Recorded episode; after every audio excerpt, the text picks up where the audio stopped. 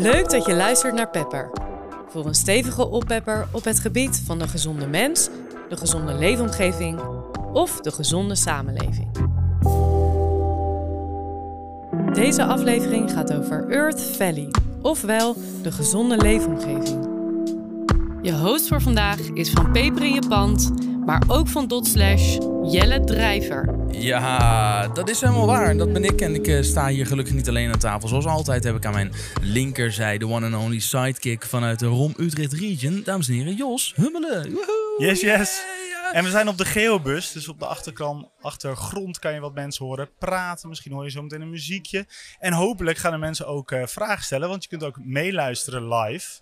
Kijk, er worden, om ons heen worden de silent disco koptelefoons uitge, eh, uitgereikt aan iedereen. We gaan in gesprek eh, met eh, eh, Kees Boot. En Kees, van harte welkom. Laat het jaar mee beginnen. Fijn dat je er bent. Dankjewel. Je hebt net een keynote gegeven hier in de Prodent eh, fabriek in Amersfoort. En nu sta je bij ons aan tafel. Kees, jij bent een ingenieur met een verhaal. Ingenieur Wat is je verhaal? Ja, precies Jos. Eh, Klopt helemaal. Met, vertel, wat is eh, jouw verhaal? Wij willen met dat verhaal eigenlijk techniek verbinden met de mensen. Hè? Dus we ontwikkelen allemaal dingen. Maar die moeten vooral gebruikt worden en goed gebruikt worden. En daarvoor moeten we eerst goed aan de mensen vragen: wat heb je nou precies nodig? Ja, en, en maar als ik, eh, eh, volgens mij was het Henry Ford. die zei, Als je de mensen vraagt wat heb je nodig, dan zeggen ze een snelle paard. Niemand komt dan op een auto. Dan moet je daar af en toe toch bij helpen? Eh, daar ga je eh, samen over nadenken. Dat is dan ons vak. Om die, die verbinding tot stand te brengen tussen die techniek en, het, eh, en, en de mensen. En dan ontstaat er een verhaal. En, eh, en dat verhaal is weer waard om uit te dragen. Want daar kunnen heel veel andere mensen ook weer gebruik van maken. Ja, even over jouw persoonlijke verhaal. Kees, wie ben je? Waar kom je vandaan? En hoe ben je überhaupt in, in dit ingenieursvak gerold? En met, nou ja, eh, eh, take us away. Nou, ik, ik ben eh, opgegroeid in Renen. Eh, mijn vader was eh, meubelmaker. Die had samen een paar aantal ooms een meubelfabriekje. Daar heb ik de liefde denk ik voor materialen mee gekregen. Als mijn vader over hout voelde, dan voelde hij echt over een eh, materiaal. Dat was van waarde. Ehm, wij zijn, eh, ik ben na de HTS, eh, dacht ik eigenlijk wil constructeur worden. Harde techniek in. Eh, nou, toen kreeg ik eh, op een gegeven moment les van een professor. Die, die begon les te geven met, met zijn rug naar ons toe. En die begon te schrijven op dat bord. Ik denk dat hij nog aan het schrijven is, want ik raakte hem helemaal kwijt. En toen dacht ik eigenlijk bij mezelf, hé, hey, ik wil eh, die harde techniek, het gebouw moet wel blijven staan. Dus ik heb toen gedacht, ik wil echt in die verbinding hè, het organiseren van techniek. En daarom hebben wij ook een organiserend ingenieursbureau opgericht. Een beetje een rare naam, maar eigenlijk hetzelfde als ingenieurs met een verhaal. Techniek verbinden met de buitenwereld. Ja, je, je- en je kwam al vroeg op een gegeven moment. Vertel nog eens over, over Lunteren en over die diepe kuil die daar was. Oh, ja, verhaal gehoord. Maar nou, dat was toch voor mij wel een eye-opener. Dat we, daar was destijds de stortplaats. Eh, in een zandafgraving, daar kon je als aannemers kon je alles brengen waar je wilde. Hey, ik kwam een vrachtwagen gevuld met spullen, kiep die om en je reed weg. Nou, Als je een kost- beetje benzine over had, dan kon je het maakt daar niet uit, olie, alles mocht voor erin. een paar gulden. Ja, 15 gulden per kubieke meter kon je daar kwijt. En eh, nou, de provincie Gelderland besloot om die stortplaats dicht te doen. En de hele regio raakte in paniek. Ze En waarom raakten ze in paniek dan? nou, ze konden heel goedkoop hun eh, eh, afval kwijt. Dus ze hadden heel veel afval omdat ze niet over nadachten. Alles was bij spreken bijna al afval als je het in je hand had gehad. Ehm, dus ze dachten, dit gaat ons heel veel kosten. En daardoor krijgen we onze bedrij- bedrijven niet meer rendabel. En nou, dat betekent heel veel paniek. Eh, heel veel avondbijeenkomsten. Eh, mensen zochten elkaar op. Hooivorken naar buiten. Eh, hooivorken. En eh, nou, uiteindelijk was het zo, dat ging zo om een afvaardiging naar de provincie Gelderland gaan, een stevige afvaardiging. En eh, om daar met de provincie te praten. En op een of andere manier werd ik uitgekozen om daar te verdedigen. En ik, ik geloof me, ik heb mijn uiterste best gedaan om te voorkomen. Want ik dacht ook dat iedereen fiets zou gaan. eh, dat die stortplaats open zou blijven. Maar gelukkig heeft de provincie Gelderland destijds niet geluisterd. Die stortplaats is dichtgegaan. Eh en dat betekende achteraf, die, die bedrijven gingen helemaal niet failliet. En die gezinnen die zijn, er zijn er de meest welvarende bedrijven ontstaan. Omdat ze gingen, ja, ze gingen ontwikkelen. Oké, dus soms moet je gedwongen worden en moeten de omstandigheden zo veranderen dat je anders leert kijken. Anders leert kijken naar materiaal, anders leert kijken naar de keten, naar de waardeketen. Ja, ik denk dat je precies zegt wat, wat er aan de hand is. Je moet anders leren denken. En blijkbaar zit je zo vast in je patroon dat er een transitie nodig is om dat te bewerkstelligen. En ik merk dat heel sterk aan mezelf. De- wij zitten, ik ben best wel een heel aantal jaren met circulariteit bezig. En ik denk nu eigenlijk, wat doen die andere mensen raar? Ja, dat, ze, dat ze dat anders doen. En dat ze dat- ik vind het eigenlijk heel gewoon geworden, zeg maar, om dit te doen. En geen materialen weg te gooien, maar materialen gewoon opnieuw te gebruiken. Ja, je, eh, welke voorbeelden kun je noemen gewoon van, vanuit je praktijk waarbij je materialen die anders weggegooid zouden worden op een andere manier hebt ingezet? Nou, ik kan best heel veel voorbeelden noemen, zeg maar. Hè, maar een heel mooi voorbeeld is bijvoorbeeld eh, de, de plafondplaatjes eh, die eh, overal gebruikt worden in alle kantoren. Ja, Hè, die die werden, witte vierkante dingen. hè, nou, die werden eh, een beetje vroeg werden ze vuil, zeg maar, in hun levensduur. En die werden om de zoveel jaar gewoon vervangen en dan werden ze weggegooid.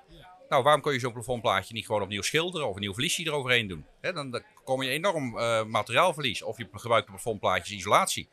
Hè, dus nou, en inmiddels zie je in Nederland dat er dus fabriekjes zijn die dat doen. Ja, maar dan gaat het alleen nog maar over een plafondplaatje. Dat is een heel klein onderdeel van een heel gebouw. Nou, want zitten er veel in hoor, in zo'n pand. Ja. Heb je in, uh, in Am we zijn in Amersfoort. Uh, heel belangrijk onderdeel van Earth Valley. Hè, op de as van Utrecht, uh, Utrecht-Amersfoort. Waarbij we de hele regio meenemen bootingenieur zit natuurlijk in Veenendaal. Maar heb je in Amersfoort uh, gebouwen gedeconstrueerd zodat ze weer hergebruikt konden worden? Wij zijn, uh, dat is dan een jaar of zeven geleden, uh, zijn we hier heel erg bezig geweest met de ontmanteling van de Elisabeth en de Lichtenberg, zeg maar. Dat zijn ziekenhuizen. Dat zijn grote ziekenhuizen die hier ontmanteld werden, gesloopt werden, zeg maar. En wij zijn ook intensief bezig geweest om te kijken, kun je die materialen andere bestemmingen geven? Hè, of kun je ze op een hoger niveau in de keten terugbrengen. Hoe doe je dat dan? Je loopt gewoon door een gebouw heen en je denkt, hé, hey, dit, dit plafondplaatje kan ik nog wel gebruiken. In eerste instantie loop je gewoon door een gebouw heen en gebruik je je gezonde verstand. Hè? Dus, uh, en, maar aan de andere kant ga je ook nadenken in, in de ketens. Hè? Dus iedereen gebruikt materialen. En kun je die materialen niet uh, zo bewerken dat ze opnieuw uh, bijvoorbeeld teruggebracht worden naar leverancier, opgewaardeerd worden en weer terugkomen via de reguliere handel in de, in de, in de keten. Ja, wat ik mooi vind is, jij, jij noemde dat oogsten.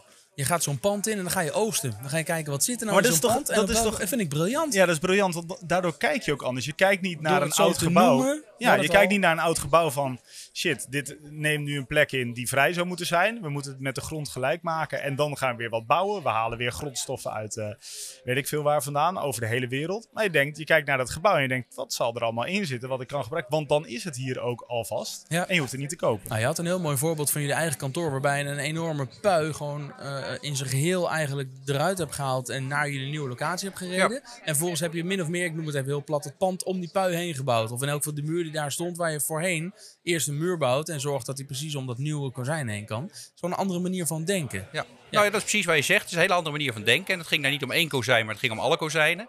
Want we hebben alle materialen van ons kantoorpand hebben we gewoon uh, geoogst, uh, zoals je net aangaf. En uh, voor ons is dat ook iets om uh, als ware. Je krijgt er applaus voor, hoor je dat? Ons, ja, dankjewel. Hartstikke goed. Nee, maar ik denk dat het eigenlijk het, uh, het, bouwprogramma. We hebben een heel ambitieus bouwprogramma met elkaar allemaal. En dit is eigenlijk legitimeerd dat we dat kunnen doen. Want wij kunnen voor onze al, alle gebouwen die wij gaan bouwen in de toekomst. niet alle materialen weer opnieuw gaan uh, grondstoffen voor gaan delven en gaan maken. Dat, dat is er gewoon niet meer. Dus wij zullen wel anders moeten gaan denken. Is het, is het nou duurder of goedkoper? Dat is toch wat, wat de, elke Hollandse luisteraar wil weten. Uh, ik, het is, geeft veel meer waarde, zo wil ik het zeggen. En het, in sommige gevallen is het duurder, in sommige gevallen is het goedkoper. Ik kan je ook genoeg dingen laten zien die goedkoper zijn. Maar het werkt anders in de keten, dus we zijn het niet gewend om te doen. En ik ben ervan overtuigd dat als we, als we dat omdraaien, het is in de keten gewoon weg geworden, dat het veel goedkoper is. Nou, ik ga het woord olietanker niet gebruiken, dat is flauw. Maar zo'n keten, die bouwt op elkaar, hè? anders is het geen keten. Maar er moet ergens iets veranderen voordat ook deze manier van denken uh, in die hele keten wordt meegenomen. En dat moet dan keren. Hoe, ja, wie en op welke plek moet dat begeleiden en, en hoe lang duurt dat wel niet? Nou, dat proces is al in volle gang. Als wij, eh, wij zijn eh, vanaf 2018 intensief met circulariteit bezig. En als ik dat vergelijk met waar we nu staan, dan zijn er heel veel processen die heb ik al zien veranderen. Hè? Door goede voorbeelden. Maar het is al heel lang bezig, maar het is niet de default.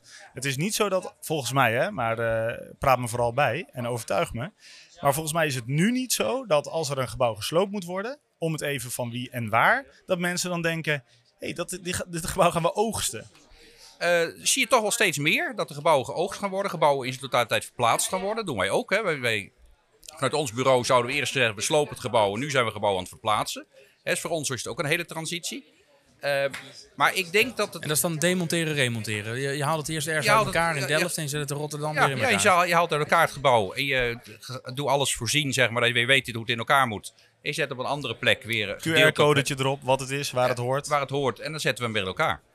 Uh, een soort IKEA-pakketje. Uh, dat gebeurt bijvoorbeeld nu in uh, het gebouw, het TNO-gebouw, wat verplaatst wordt naar Rotterdam. Hè, daar, daar, daar kun je dat gewoon zien. Maar ik weet ook meer voorbeelden van gebouwen waarbij dat gebeurt. Wat zijn typische uitdagingen waar je tegenaan loopt als je in gesprek bent met zo'n ontwikkelaar? Nou, het geld. Hè, je praat is goed, duurder is goedkoper. Maar het heeft alles te maken dat wij nu niet de kosten tellen die het daadwerkelijk met zich meebrengt. Zodra wij bijvoorbeeld CO2 een waarde aan zoet, financiële waarde aan toe zouden gaan kennen, zou die hele balans andersom zijn. Als de overheid zou zeggen, eh, eh, eh, we, maken, we doen een CO2-beprijzing, dan is morgen de balans anders. Ja, en plus, je noemde net al even dat jullie eigen kantoor ook circulair gebouwd is. Dat heeft natuurlijk ook een waarde, want jullie zijn ingenieurs met een verhaal. En die kun je aan de hand van je eigen verhaal vertellen. Als wij kijken en, of het bij ons nou duurder of goedkoper is geweest. Hè, het is gedeeltelijk duurder en gedeeltelijk goedkoper geweest. Het aantal verdiepingen, die, die, bij per saldo is dat ongeveer gelijk uitgekomen. Maar als ik kijk de toegevoegde waarde die het ons opgebracht heeft, dat wij echt misschien wel wekelijks groepen hebben die komen kijken, van opdrachtgevers tot eh, leveranciers of, eh, en die we rond mogen leiden. En die dan, eh, waarbij we het heel goede gesprek hebben over waarvoor hebben we dit nou eigenlijk gedaan? Hè, waar gaat dit nou eigenlijk over? En daar elkaar vindt op de merites waar het eigenlijk om gaat.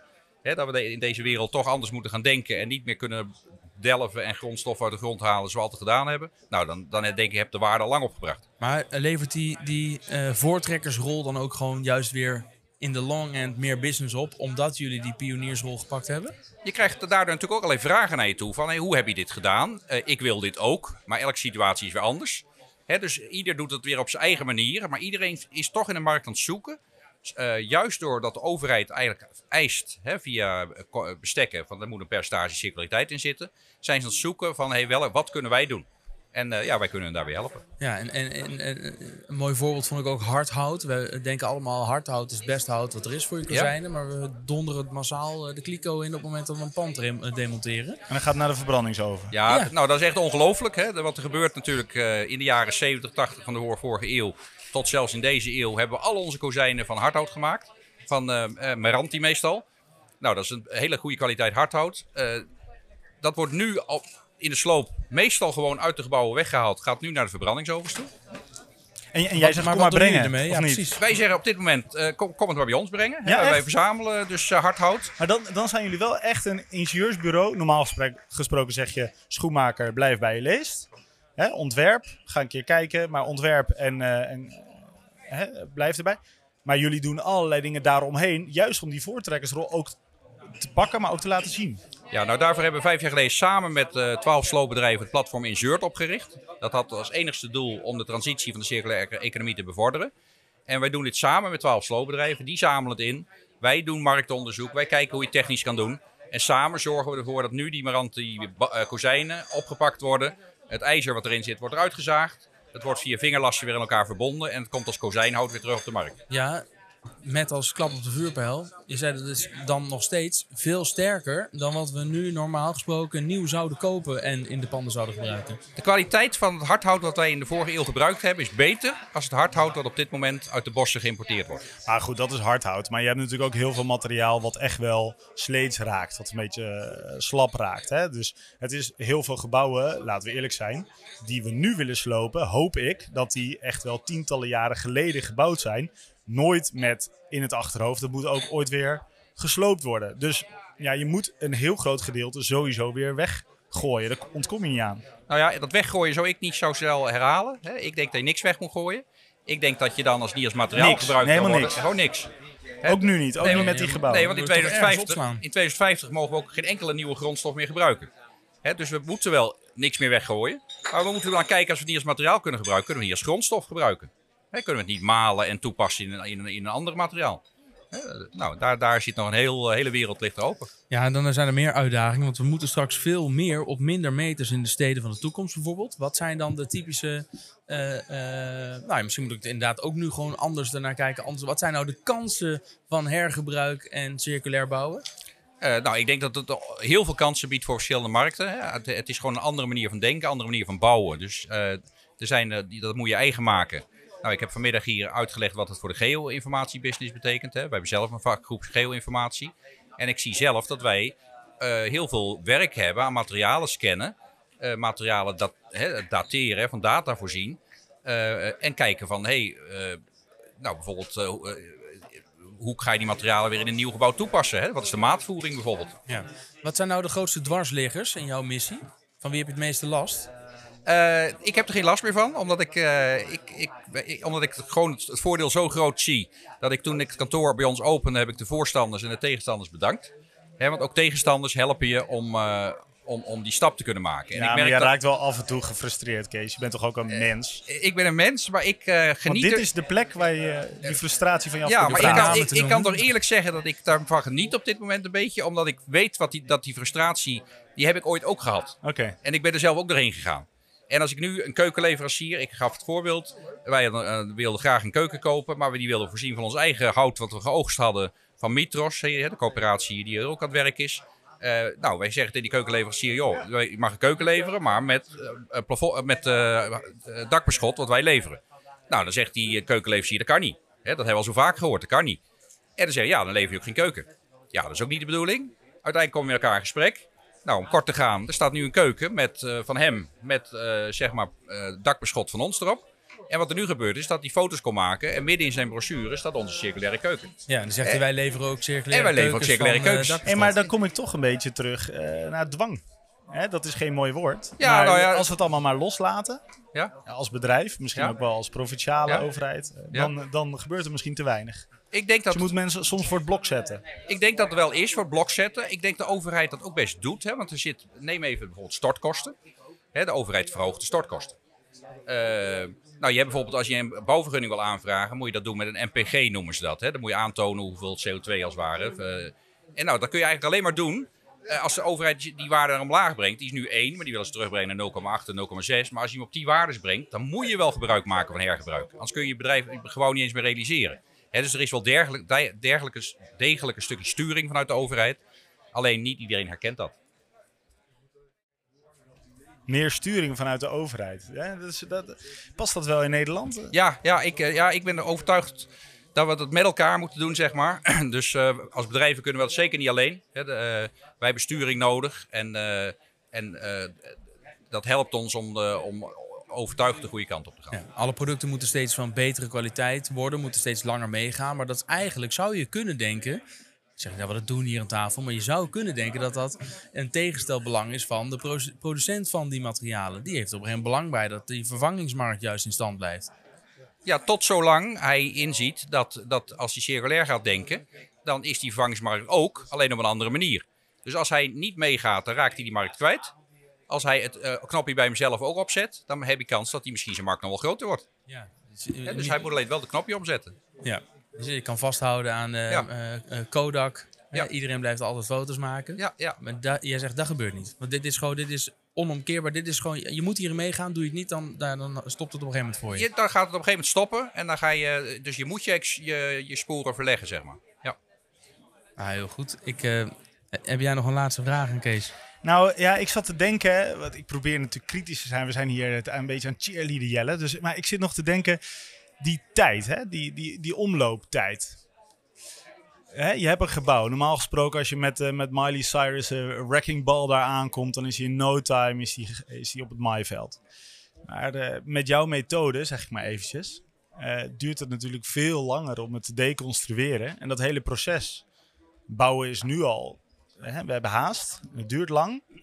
Op het moment dat je daar bezig bent, dan komt er allemaal fijnstof vrij. Dus eigenlijk is haast ook geboden. Kan je dit wel snel genoeg doen? Dit kun je in een aantal gevallen snel genoeg doen. Hè? Want sommige gebouwen, die zijn erop. Eh wij doen dat heel, nu al met eh, flexibele gebouwen. Die pakken we ook op. En die zetten we ergens anders neer. Hè? Daar- zijn ze op gebouwd. En eigenlijk zijn straks al onze gebouwen erop gebouwd. Hè, wij bouwen gewoon demontabele, losmaakbare gebouwen die erop ingericht zijn dat we ze op kunnen pakken. En op een andere plek weer neer kunnen zetten. En dan kom je soms hele rare dingen tegen in de markt. hè. Jij noemde net frustraties, heb je die? Eh, ik zeg, ik, ik geniet er op een bepaalde manier van. Als ik bijvoorbeeld in het gebouw wat wij in Delft verplaatsen naar Rotterdam, zit een prachtige lift. Zo'n eh, zo'n liftinstallatie eh, nou, die je op Schiphol ziet. Aan de buitenkant glas en dan gaat er aan de binnenkant zo'n roeststalen bak omhoog. Hij slecht nooit geniet ik daar een soort even altijd van. En, van hey, hoe het Je kan, de je kan de techniek zien. Je kan techniek zien. Ja, ja. Nou, zo'n lift zat er ook in het TNO-gebouw. En wij gingen er helemaal vanuit dat we die lift gingen verplaatsen naar Rotterdam. Hè, naar het, de Milieustraat in Rotterdam.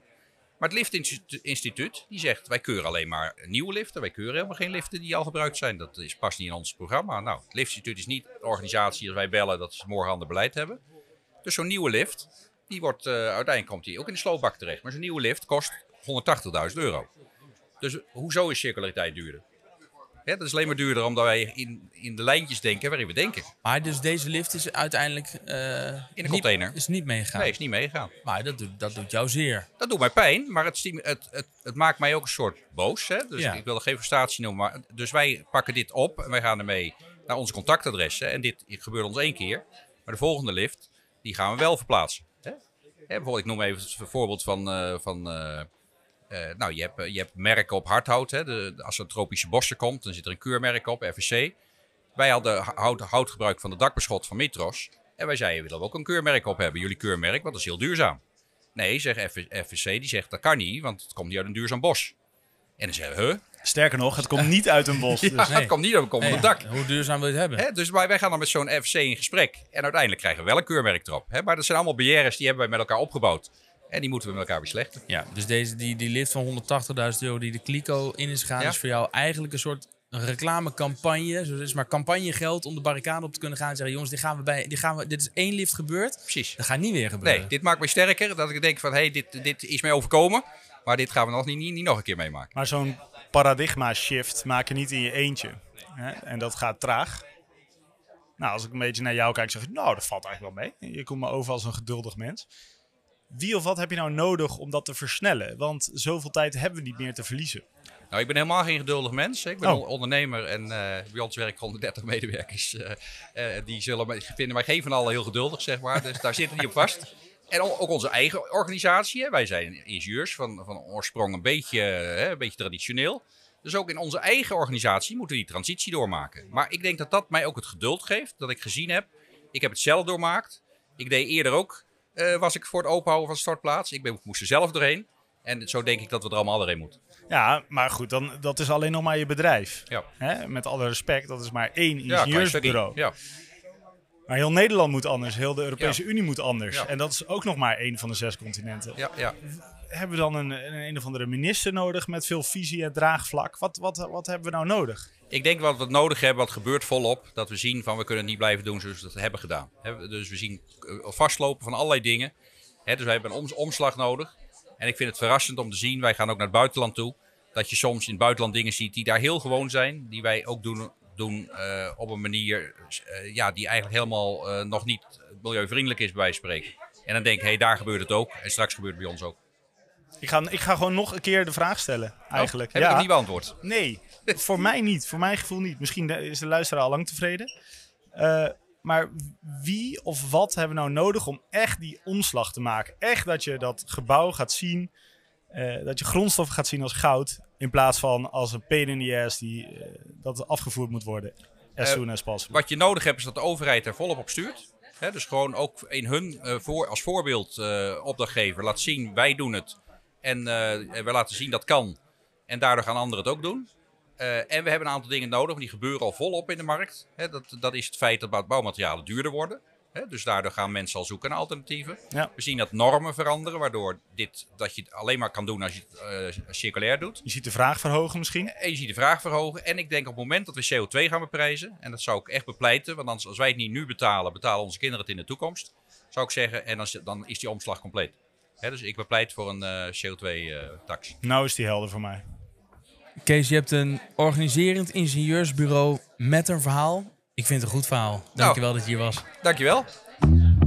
Smaakt dit naar meer? Volg Pepper als je de smaakmakers wilt horen op het gebied van de gezonde mens, de gezonde leefomgeving of de gezonde samenleving. En raad deze podcast aan bij de ondernemer in je buurt. Pepper wordt mogelijk gemaakt door Startup Utrecht Region, Dotslash Utrecht, Utrecht Inc., Economic Board Utrecht en ROM Utrecht Region. Groei verder met ROM Utrecht Region.